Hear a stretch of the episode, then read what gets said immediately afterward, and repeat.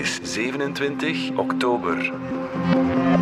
Dit is vandaag de dagelijkse podcast van de Standaard. Ik ben Alexander Lippenveld. Xi Jinping is meer dan ooit de sterke man van China. De communistische partij benoemde hem vorig weekend voor de derde keer tot partijleider. En daarmee is hij de machtigste president sinds Mao Zedong. Ook het Politbureau, het hoogste partijorgaan, draagt meer dan ooit de stempel van Xi. Wat betekent dat voor China en voor Taiwan? En wat zegt dit over de positie van China in de wereld?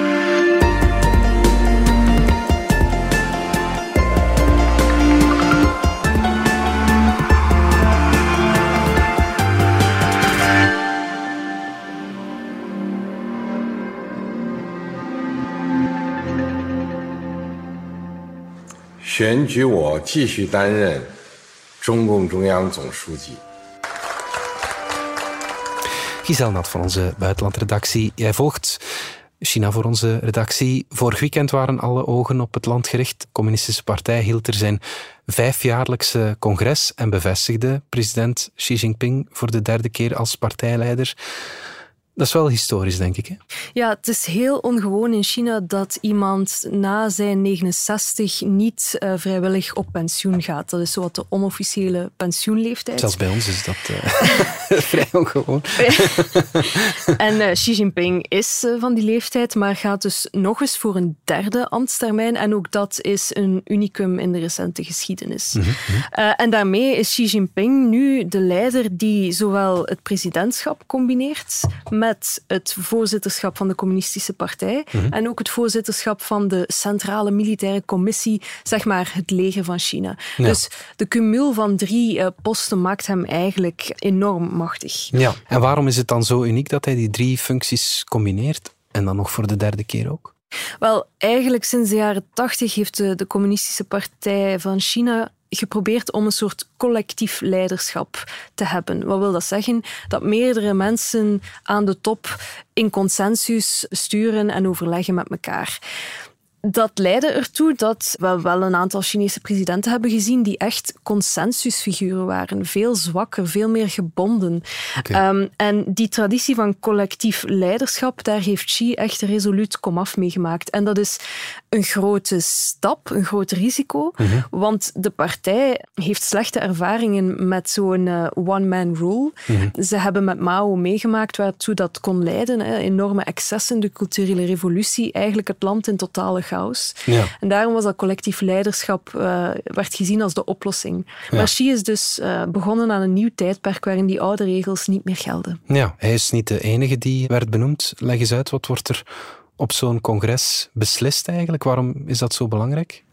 Ja, je kan dat partijcongres eigenlijk wat vergelijken met een soort voorstelling van een nieuwe regering. Dus om de vijf jaar benoemt de partij een heleboel nieuwe leden en komt ze naar buiten met een, uh, nieuwe topelite, mm namelijk uh, president, in dit geval Xi, maar ook zijn directe hofhouding, mm dat is uh, het permanent comité, en daaronder het politbureau, de 25 belangrijkste mensen van China. Mhm dat congres is altijd een black box voor de buitenwereld. Het is een heel spannende tijd waarin soms wel eens afrekeningen worden doorgevoerd en mensen plots kunnen verdwijnen. Uh, in het verleden zijn er zelfs al mensen vermoord naar aanloop van dat congres. Ja. Maar voor het eerst zagen we dat die hele bureaucratische ceremonie toch wel veel internationale aandacht heeft getrokken. Mm -hmm. uh, ook dat is nieuw. En waarschijnlijk komt dat ook omdat uh, China onder Xi Jinping ja, een veel dominantere kracht is geworden dan onder zijn voorgangers. Mhm. Ehm, en sinds de jaren tachtig, nog onder leiding van de grote Deng Xiaoping, mhm. had China een slogan: Hide our strengths and bide our time. Of vrij vertaald, verstop je krachten, je troeven en koop tijd. Ja. En met Xi is dat tijdperk afgesloten. Eh, China wil niet meer zich verstoppen. China gaat assertief voor zijn eigen belangen. Oké, ja. Zijn er in, bij die andere benoemingen nog namen die we moeten onthouden? Hebben die überhaupt iets te zeggen eigenlijk onder Xi?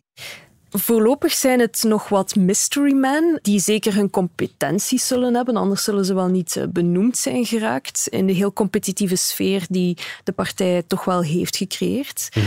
Maar het is dus nog wat koffiedik kijken welke stempels zij kunnen drukken. Je hebt de toekomstige premier. Li Qiang, 同志. They are Comrade Li Qiang Li Qiang. Dat was de partijsecretaris van Shanghai. Ook belangrijke figuur is denk ik Wang Huning. Wang Huning, 同志. Comrade Wang Huning. Het is een nationalistische professor die al drie Chinese presidenten heeft begeleid. Oké. Maar de kern is dat het stuk voor stuk loyalisten zijn. Ja, opvallend. Het zijn allemaal oudere mannen. Hè? Geen enkele vrouw in de hoogste regionen van de macht daar. Ja, het is een heel pijnlijke vaststelling dat China zo ver achterloopt. Want ook al is er nog nooit een vrouw geweest in dat uh, topcomité van die zeven uh, machtigste leiders. Tot nu toe hadden we wel in dat politbureau, de, de club daaronder met de 25 belangrijkste mensen, daar zat toch wel de laatste jaren altijd wel één vrouw in. Hmm. Die is nu op pensioen en er is geen vrouwelijke vervanger. Nou ja. Um, een politbureau met dus alleen maar mannen hebben we sinds 1997 al niet meer gehad. En dat Hmm. is dus een enorme stap terug. Ja. Herinner je ook aan het begin van het jaar Chinees tennisster Peng Shuai, die enorme furoren creëerde door een voormalig vicepremier van China te beschuldigen van seksuele misbruik. Uh, grote en eerste MeToo-affaire in China. Wel, de man die zij beschuldigde liep afgelopen week gewoon over de rode loper. En dat is voor veel Chinese vrouwen echt een kaakslag. Ja, ja dat is uh, echt wel een doorn in het oog. Het zijn dus allemaal grijze, oude mannen. Ja, zijn zij klaar om China door deze moderne en, en uit, toch wel heel uitdagende tijden te loodsen? Hebben ze de capaciteiten daartoe? Dat is dus echt wel de hamvraag. Als je inderdaad huh? ziet, gemiddelde leeftijd 65 en meer. Mhm. Veel van die mensen groeiden op in een tijdperk zonder computers. Vandaag is China een digitale supermacht. Maar aan de andere kant moet je toch ook vaststellen dat ondanks die grote kloof in leefwereld, die groep mannen, of, of toch ja, hun omgeving of hun entourage, er toch in is geslaagd om China al zo ver te krijgen. Mm. Ja. Maar ik denk dat we voor ogen moeten houden dat het, het enige doel van die mannen, of het eerste doel, is de communistische partij aan de macht houden, ondanks al die modernisering. Dan is de vraag natuurlijk hoe je dat doet. Ja. ja. ze moeten eigenlijk hun bevolking tevreden houden zonder dat die bevolking ook maar iets van inspraak krijgt. Mhm. Anticorruptie is een groot stuk van dat verhaal. Um, efficiënt bestuur willen leveren is een ander aspect. Maar natuurlijk is er ook ja, het, het harde nationalisme, Ja. um, dat zeker in China de laatste twintig jaar enorm gestegen is nationalisme, maar ook ja, outsiders de zwarte piet toespelen voor de problemen die er zijn. Ja. Dus dat zijn een aantal strategieën waarmee de partij in deze moeilijke tijden probeert te overleven. En ik denk dat Xi's appeal of, of de aantrekkingskracht van Xi Jinping voor de partij er ook in zit, dat hij daarin slaagt tot nu toe. En hoe nationalistisch en ideologisch is China vandaag dan? Het verhaal dat Xi Jinping de laatste jaren overal in het onderwijs, in musea um, en in de media propageert, is dat van een China dat honderd jaar lang vernedering heeft gekend uh, door het Westen en dat nu eindelijk op de drempel staat van triomf. Ja. Dus er wordt heel vijandig gekeken naar de buitenwereld. Um, mensen die kritiek geven op China worden meteen vergeleken met oude imperialistische krachten. Mm-hmm. En dat verhaal leeft ook echt bij gewone mensen.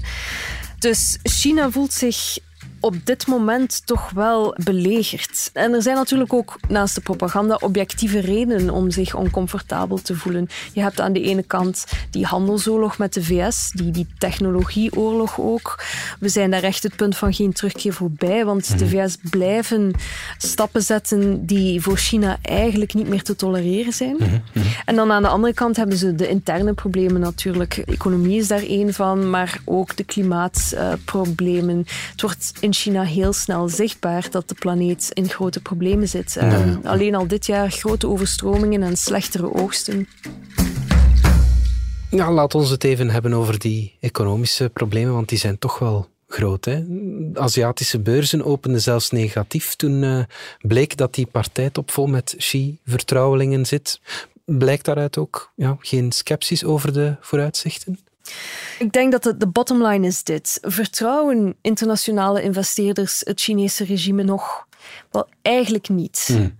Ze zijn wantrouwig. Maar hebben ze tegelijk China nodig? Ja. Ja. Zijn ze bereid om zich echt al terug te trekken uit die Chinese markt? Je kunt eigenlijk vaststellen dat het zover nog niet is. Onlangs sloten de VS en China bijvoorbeeld een voorlopig akkoord om uh, elkaars uh, bedrijven of Chinese bedrijven op een betere manier te auditen. En dan voelde je in die zakenwereld toch echt wel een zucht van opluchting van oef, business as usual, hopelijk. Ja, maar die economische groei die vertraagt toch, hoe je het ook... Uh draait of keert, ze moeten daar toch van wakker liggen, denk ik.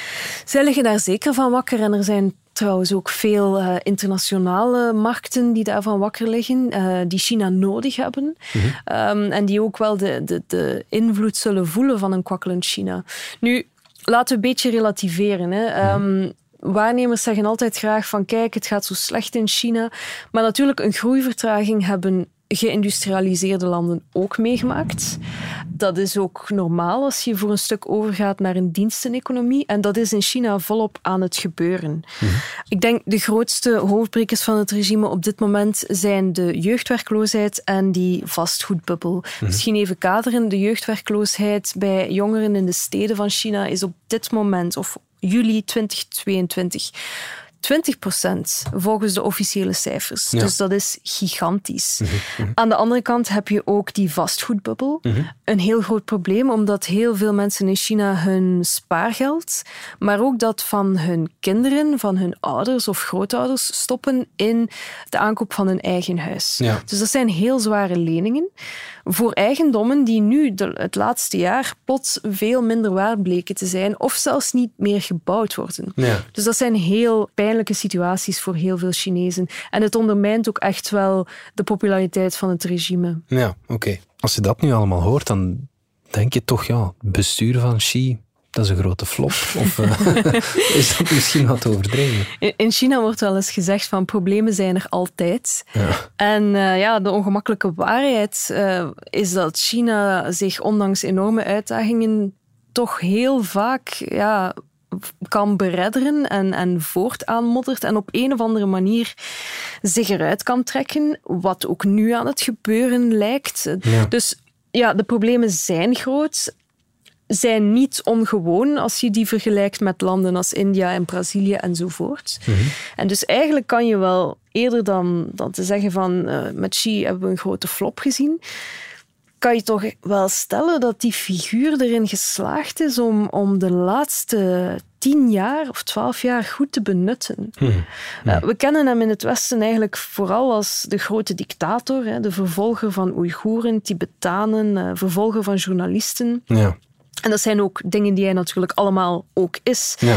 Maar aan de andere kant is hij toch ook wel een charismatisch en sterk leider die heel veel mensen op heel veel verschillende niveaus kan meekrijgen in zijn visie. Ja. En er zijn inderdaad best wel wat statistieken die in Xi's uh, voordeel spreken of die getuigen van de, de snelle inhaalbeweging die China nu aan het, uh, aan het doen is al jaren en ook nog wel zal blijven voortdoen. Kijk bijvoorbeeld naar patenten. Um, dus dat een graadmeter is voor de innovatie in je economie en je bedrijfswereld. Mm -hmm. China heeft er steeds meer en heeft ook steeds meer hoogkwalitatieve patenten. Ja.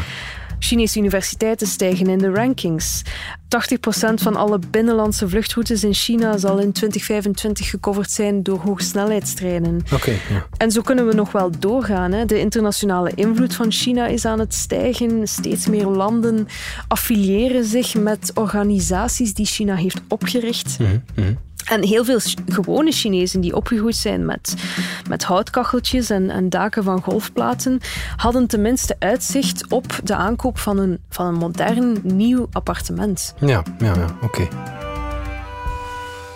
We gaan er even uit voor reclame.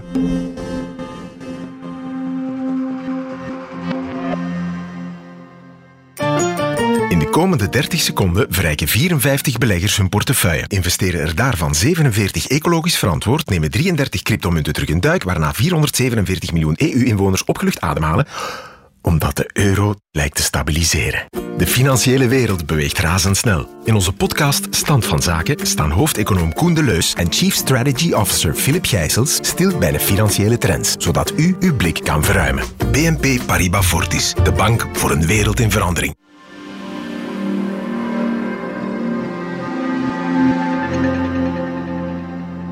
Terug naar uh, China en uh, Xi dan. Giselle, jij bent onlangs in Taiwan geweest. Dat is misschien wel wat de olifant in de kamer uh, voor Xi Jinping. Het onafhankelijke eiland waar hij zich steeds ja, agressiever tegenover opstelt. Hoe erg voel je de angst voor China daar?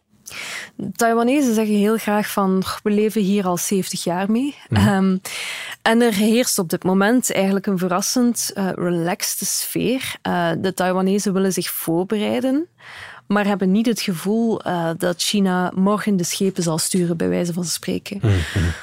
Nu, ook China kan op een of andere manier wel leven met een semi-autonoom eilandje vlak voor de kust, zolang daar maar niet te veel internationale erkenning van wordt gegeven. Ja.